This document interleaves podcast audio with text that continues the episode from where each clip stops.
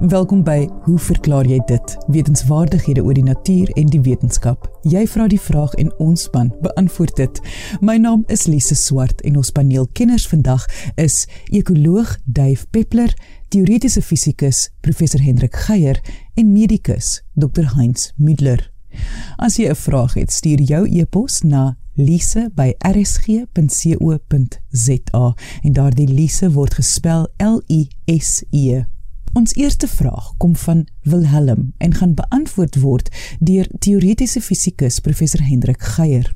Wilhelm skryf: Die aarde het ontstaan uit die oorblyfsels van 'n supernova of miskien veelvuldige supernovas. Om die ouderdom van die aarde deur radioaktiwiteit te bepaal, wanneer begin die proses van radioaktiewe ontbinding? Die oomblik dat die plasma die ruimte ingeskiet word of wanneer die buitenste magma gestol het? En as die aarde deur veelvuldige supernovas ontstaan het, begin die proses van bepaling na die eerste supernova of die laaste supernova. Temperatuur het blykbaar nie 'n invloed op die rate van radioaktiewe ontbinding nie. Druk wel. In kort, hoe oud is die aarde regtig in sy huidige gedaante? Nou as ek sy vraag mooi verstaan, het dit te maak met 'n onsekerheid wat hy het oor hoe, hoe akkuraat ouderdomsbepalings deur mm, radioaktiewe vervalprosesse te bestudeer kan wees as jy nou van iets soos die ouderdom van die aarde praat as jy nie weet wanneer wanneer hierdie radioaktiewe kerne gevorm het nie en soos hy reg sê die swaarder elemente in sy geskiedenis is dat hulle tipies in supernova ontploffings uh, ontstaan het en mettertyd ingeklits geraak het in die materiaal wat ons op die oomblik hier op aarde het. Wilhelm vra baie spesifiek aan die einde, uh, wat is nou die aanvaarde ouderdom van die aarde op hierdie stadium? Nou Wilhelm in syfers is dit 4,5 en nou kan jy 'n derde syfer bysit, 4,54 tipies word aangehaal. 4,55 duisend miljoen jaar 1000 miljoen in my boek is dit biljoen, maar kom ons hou maar by 1000 miljoen. So daai syfer is 4,5 1000 miljoen jaar. Dis hier waar die dita berekening nou terugval op van jou vermoede of jou kennis dat dit so is dat dit afkomstig is deur na radioaktiewe verval van kerne te kyk. Nou, dit lyk vir my wat jou pla is die vraag as die kerne wat nou besig is om radioaktief te verval toentertyd in 'n supernova ontploffing uh, gevorm het, het hulle nie dan al begin verval nie en hoe weet ons nou watter stadium het hulle hier in die, in die, in die aardmateriaal beland en hoe gaan ons nou 'n absolute berekening doen as as die goed nou al lank al besig is om te verval? In ons eie son, soos die meeste luisteraars waarskynlik weet, word die energie wat ons op aarde as sonstrale registreer verskaf deur 'n kernversmeltingsproses twee waterstofkerne oftewel protone wat onder die baie hoë temperatuuromstandighede in die son in mekaar ingeforseer word om 'n heliumkern uiteindelik te vorm. Dit is heeltemal so eenvoudig maar die die die prentjie dink ek is redelik duidelik. En wat ons weet is in daardie proses waar die waar die afsonderlike protone of waterstofkerne uiteindelik saamgesmelt word tot helium. In daardie proses word energie vrygestel en mens kan daai berekening doen deur van Einstein se bekende E gelyk aan mc kwadraat wanskap tussen energie en massa gebruik te maak. So jy kan bereken hoeveel energie word vrygestel wanneer hierdie kernversmeltingsproses plaasvind.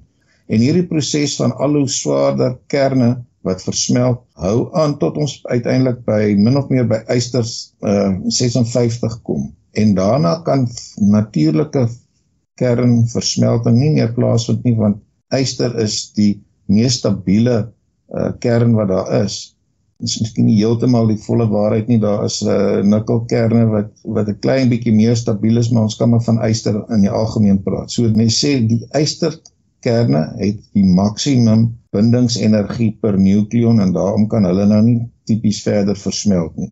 Nou is ons by die vraag waar kom die swaarder elemente vandaan en dit is waar Wilhelm se verwysing na supernovas in die kol is. Uh wanneer 'n ster uiteindelik nie meer deur kernversmelting die swaartekrag kan weerstaan wat die ding al verder in mekaar wil druk nie, dan bereik jy 'n punt waar hierdie ineenstorting so vinnig plaasvind dat dit tot 'n geweldige ontploffing lei, die bekende supernova ontploffing. En in hierdie proses word hierdie yster en ander elemente wat nog bestaan in die ster wat in besig is om in te plof natuurlik uitgespoeg om dit nou maar so te stel en in daardie proses kan daar nou verdere samesmeltings van kerne plaasvind. Dit is waar die swaarder elemente vandaan kom, ook die wat uiteindelik as radioaktiewe elemente in ons aarde se rots en grondsamenstelling teenwoordig is. So, kortom Willem, uh, as iets soos 'n uran kern gevorm het tydens 'n supernova ontploffing, die ding word deel van wat 'n mens nou maar sterstof kan noem wat nou weer op sig uh, wat op hulle beurt uiteindelik onder swaartekrag al al hoe meer nader aan mekaar getrek word. Die gedagte dat ons sonnestelsel uit so 'n stofnevel ontstaan het, is goed geanaliseer en mettertyd word daar nou groot klonte van materiaal gevorm wat die oorspronklike radioaktiewe elemente insluit en hulle word nou vasgevang in die aarde.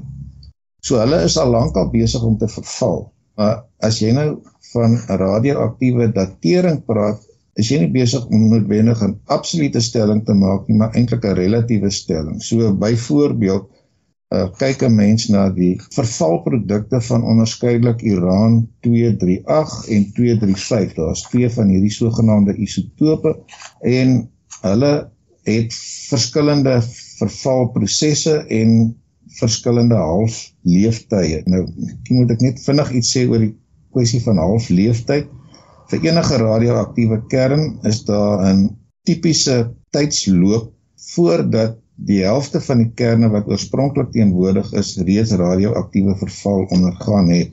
Dit is wat 'n mens die halfleeftyd noem. As 'n mens van halfveertyd praat, sou 'n mens eintlik ehm, tot 'n groter mate jou vinger op die pols gesit het van waarvan jy praat. Dis die tyd wat dit vat vir 'n gegeewe hoeveelheid radioaktiewe kerne om te verval totdat die helfte van hulle reeds verval het.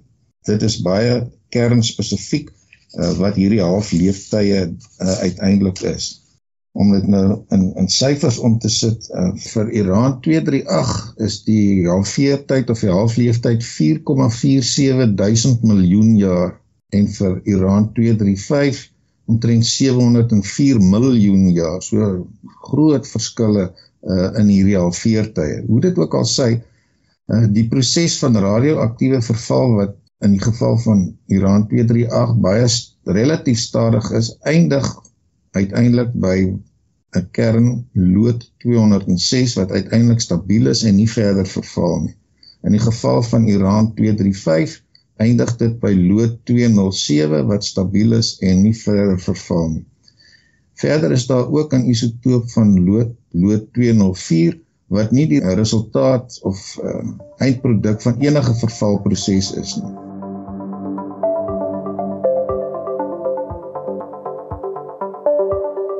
So as 'n mens nou weet wat die relatiewe verhoudings van Iran 238 en 235 is waarmee jy begin en dit is ook goed bestudeer en jy kom uiteindelik agter wat is die relatiewe verhoudings van sê maar lood 206 tot 207 dan kan jy deur gebruik te maak van die inligting van wat die halfleeftye was uitwerk hoe lank die vervalproses aan die gang moes gewees het om daardie relatiewe konsentrasies in die hande te kry.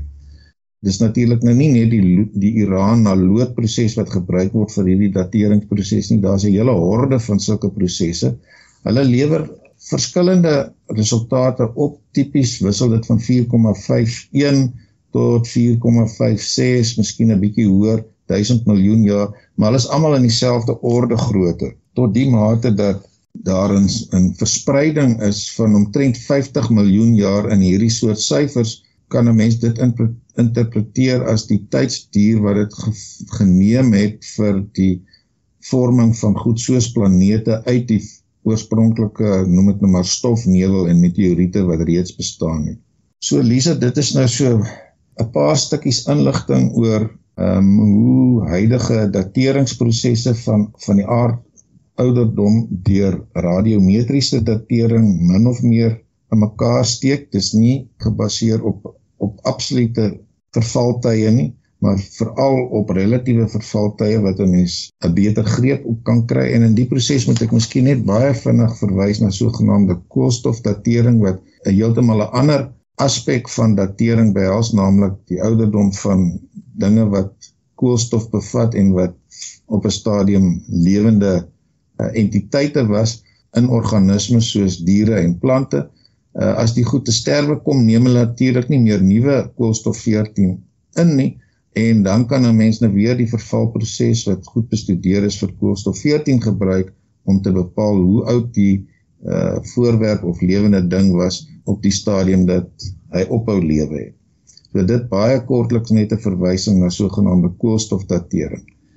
Uh wat 'n mens wel kan sê is dat oor tyd is hierdie prosesse en analises natuurlik verfyn. Daar's baie dinge wat jy in aanmerking moet neem en wat as uitgangspunte gebruik moet word, maar hulle is almal al uh, redelik gefynkam en gestandaardiseer. So ek dink 'n mens kan met redelike vertroue praat van die inligting wat jy uit hierdie dateringsprosesse uh, uh, na vore bring. En dit was teoretiese fisikus professor Hendrik Geier. Indien jy 'n vraag het, stuur jou e-pos na lise@rsg.co.za of sommer direk deur RSG se webwerf. Gaan net na www.rsg.co.za. Jy luister na hoe verklaar jy dit? My naam is Lise Swart en ons gaste vandag is ekoloog Duif Peppler, teoretiese fisikus professor Hendrik Geier en medikus Dr Heinz Middler. Indien jy nou eens ingeskakel het en graag die volledige episode wil luister, kan jy die pot gooi op RSG se webtuiste gaan luister. Gaan net na www.rsg.co.za. Klik op die woord pot gooi, dit is bo aan die tuisblad. Tik in die program se naam en dit is hoe verklaar jy dit en druk die soek knoppie om nie net na vandag se episode te luister nie, maar na enige van ons vorige episodes ook. Die volgende vraag word beantwoord deur ekoloog Dave Peppler. My naam is Philip van der Walt en ek is 8 jaar oud. Hoekom is daar so baie blomme in Namakoland? Ons het daar gaan toer in Augustus en daar was plate en plate pragtige blomme. Hoekom is daar so baie blomme daar en nie in ander dele van Suid-Afrika nie? Dave die beste vertoon van Namakoland weet ons natuurlik kom na 'n goeie reënjaar en dit staan bekend as 'n blomjaar. En jy weet wat gebeur. Liewe hemel, daar's meer mense op pad na die blomme as in Central Park in New York. Maar ons moet onthou dat hierdie asembenemende verskyning bestaan nie net uit gousblomme, die plate, die van horison tot horison van geel en oranje nie maar ook uit 'n sweterjoel ander spesies en en ook lewensvorme. Ons kyk 'n bietjie daarna. Eerstens, daar is geofiete. Geofiet, 'n plant wat in die grond oorleef. Met ander woorde, hulle het bolle en knolle. Ons dink hier aan byvoorbeeld die hyacinte en die en die irisse, die gladiolus, die daai pragtige blomme wat tussen die grind opslaan in Namakoland. Dan natuurlik wêreldbekend die vetplante. Is daar iets mooier net soos die eerste son ontvang as sout slaaibos met daai pragtige diamantkristalle van van vog op die blare. Ons dink selfs aan die kokerboom. Dis 'n vetplant wat homself buffer teen verdorring die vygies. My ek noem hulle die ligbrekers. Hulle breek die lig met hierdie pragtige vertoon van neonkleure. Dan is daar ook natuurlik dwergstruike. Ry deur na Makoland en die kokerboom is omtrent die grootste sogenaamde boom. Die plante groei is onder druk en laag. Juis as gevolg van die lae reënval, maar in hierdie dorheid is daar 3800 spesies ongeveer waarvan byna 30% net daar voorkom. En natuurlik hier Lise lê een van die groot probleme.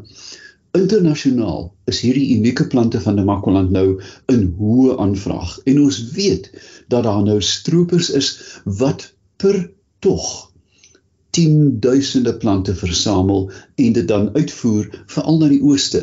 'n Klein klein beeskloutjie, jy weet, kos die kleinste kos 50 dollar in Hong Kong. Soos met verdowingsmiddels is die winsmarge aan die einde van hierdie stropery onsaglik hoog. Wat maak hierdie mense? Hulle betaal miljoene, letterlik miljoene aan boete, vlug uh, vlieg die land uit en stuur eenvoudig iemand anders. Nou ja, die drywers van Namakoland se blommeprag lê in die feit eerstens dat Namakoland tegnies 'n woestyn is wat 75% van die jaar absoluut uitgedor is. Die somers is moordend warm. Daar's oostewinde, uh die en natuurlik selfs in 'n normale jaar is reënval kortstondig en sporadies. Met ander woorde, hierdie broodnodige, hierdie heilige 150 tot 200 mm per jaar val gewoonlik in die laat winter sodat die blomme in die lente met die komende hitte dan kan ontkiem oorkoepelend beskou is die val van die reën absoluut bepalend van hoe goed die reën ag die blomjaar gaan wees. Want ons moet onthou hierdie uh, landskap het bergwinde. As jy ooit buite geslaap het uh, op 'n matras in 'n oostewind kom op, dan weet jy hoe die voorkamer van die hel lyk. Hy waai vir jou eenvoudig weg. Die groot vertoon kom uit eenjarige plante met hierdie vreemde eienskap dat hulle ontsaglik baie sade maak. As 'n mens wil tegnies raak, is daar twee soorte sade. Daar's sade wat vroeg ontkiem en die wat gebuffer is teen vroeg ontkemming, wat eintlik net 'n buffer is teen uitsterwing, maar dis baie tegnies. Nou hierdie saad stoor, met ander woorde die saad wat neergelê is in 'n goeie blomjaar, kan digthede bereik lise van 40000 sade per vierkante meter. Met ander woorde hierdie dorsland wat jy beskou. As jy daar afry 'n uh, Kamies kroon toe, as jy Valpits toe ry, hemel, dit lyk na die agterkant van Jupiter. Daar is niks.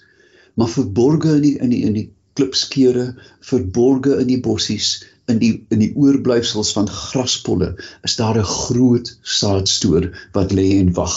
Daar is selfs plante soos die Masonia, um die suikerkannetjie wat groot plat blare bo sy sy bolletjie um oor die grond stoot. En dit is 'n sambreel. Dit dit hou die bolletjie koel cool, dit buffer teen verdamping. So met ander woorde deur hierdie uh, uh, byna meer doenlose landskap is daar verfynde tegnieke van die plante om te oorleef. Kyk na die kapokbos. Mure dra die saad aan en voeltjies bou neste daarvan veral muisvoëls Lise net net so uh, om af te wyk. Ek was onlangs in die Kamiesberge waar hulle die muisvoël 'n klouterbok noem. Wie dit so mooi dat jou hart wil gaan staan. Die taal loop saam met die diversiteit van die ekologie van hierdie aangrypende landskap.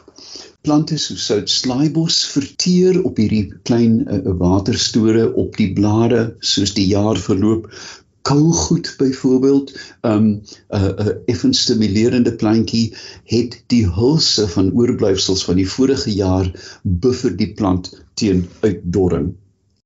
Nou ja, dan is die die mees verfynde vorm is die vensterplantjie.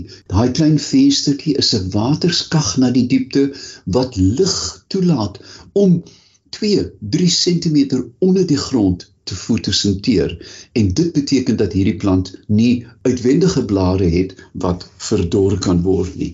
So, as 'n mens dan kyk na hierdie verstommende verskynsel as alles reg verloop Philip, dan is dit seker een van die me mees merkwaardige verskynsels op aarde, maar dit is nie uniek nie. Ons weet dat in die Atacama woestyn in Chile en ook in die Sonora woestyn in Kalifornië soortgelyke absolute ontploffings van blomme gebeur soms na 20 of 30 jaar want hierdie gebiede ontvang byna geen reën nie. Vergelyk ons dit dan met die ander plantegroei tipes van van Suid-Afrika en van die wêreld, dan is die uiterste vorm van watervoorsiening natuurlik die reënwoud. Daar kan jy elke dag blom, daar kan jy elke dag vrugte dra.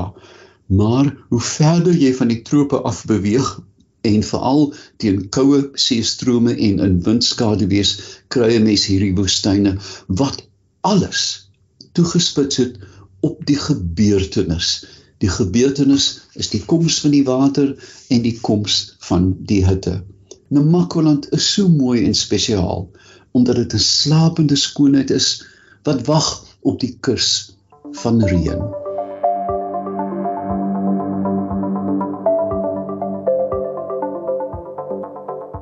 Dit was ekoloog Dave Peppler. Ons moedig natuurlik alle ouers aan om ook hulle kinders se vrae in te stuur. Ons almal kan altyd iets leer. Ons kitsvraag van die week kom van Christian Moller van Polokwane en dit gaan beantwoord word deur medikus Dr Heinz Middler. Christian skryf: Ek verstaan dat my maag grom wanneer ek honger is, maar hoekom maak nie saak wat ek eet nie, sal dit altyd in die kerk raas. Ek het al sonder ontbyt, met ontbyt, min ontbyt en baie swaar ontbyt my maag getoets. Tog sal dit altyd halfpad deur die diens geluide maak tot my verleentheid. Wat gaan daaraan? En hoekom gromme mense maag nie ander tye nie? Dr Middler? Okay Christian, ja, dit is uh, interessant, maaggeluide of buikrommel en dan is daar ook nou 'n uh, baie fancy woord borborigmus. En dit is die klanke wat jy hoor wat jou darmes maak. Daar's net een rede hoekom ons maaggeluid het en almal het dit. En dit is peristalse. Ons het peristalse nodig van die darmes en dit is samentrekking van die spiere wat die darm nouer maak en dan verslap dit, dan raak hy weer wyer en dan raak hy weer nouer en hierdie peristalse beweeg in 'n rigting van bo na onder en dit is om al die voedselstowwe wat jy nie gebruik het nie op jou einde weer uit te kry. En hierdie funksie van peristalsis staan onder beheer van die autonome senuweestelsel. So jy het nie beheer daaroor nie. Partykeer het jy sterker en harder maaggeluide as ander keer, maar meeste van die tyd is jy nie bewus daarvan nie. Jy weet nie dit gebeur nie, maar dit is altyd daar en as 'n dokter 'n stetoskoop vat en op jou maag sit, dan sal hy dadelik daai klanke hoor. Al is dit nie vir jou hoorbaar met jou gewone oor nie. Nou die rede daarvoor is om voedselreste en vloeistowwe en gasse wat in die darmkanaal is deur openinge te pers in 'n sekere rigting en dis na onder toe. En dit is daardie deurbeweeg van 'n vernoude opening wat hierdie klanke maak. Nou party mense het wel oormatige uh, maaggeluide, soos mense soos hulle sê my spastiese kolon is weer vandag baie doenig. Hulle irriteer IBS of irritable bowel syndrome En dan is daar verskillende kossoorte wat ook peristalse verhoog soos kool en broccoli en Brusselse spruite. So as jy 'n leë maag het en daar's niks in jou darmes nie, dan behoort jou klanke eintlik minder te wees. Dit beteken nie dit gaan weg wees nie, want dit is 'n is 'n normale fisiologiese ehm um, samentrekking en verslapping wat plaasvind. As jy natuurlik konstipasie het of diarree het, dan is dit baie erger en dan kan jy dit selfs kan hierdie peristalse pynlik raak en dis wanneer jy buikkrampe kry. So die hoorbare is baie gering en as hy begin baie sterk en spasties saamtrek, dan kry jy buikkrampe en dit kan akute buik en akute pyn veroorsaak. Nou, hoekom kry jy dit in die kerk, Christian? Eerstens, dit is baie stil.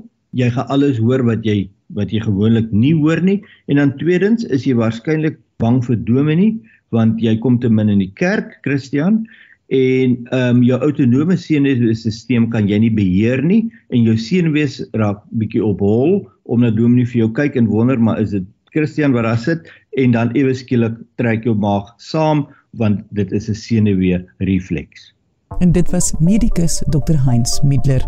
Indien jy 'n vraag het, stuur jou e-pos na lise@rsg.co.za. Onthou jy mag onder 'n skuilnaam skryf of vra om anoniem te bly. Ek sê baie dankie aan ons kenners. Dit is ekoloog Duif Peppler, teoretiese fisikus professor Hendrik Geier en medikus Dr Heinz Middler en ons vraagstellers vandag, klein en groot. Onthou altyd nuuskierig te bly en vra te vra. Tot volgende week net hier op RSG saam met my, Lise Swart. Totsiens.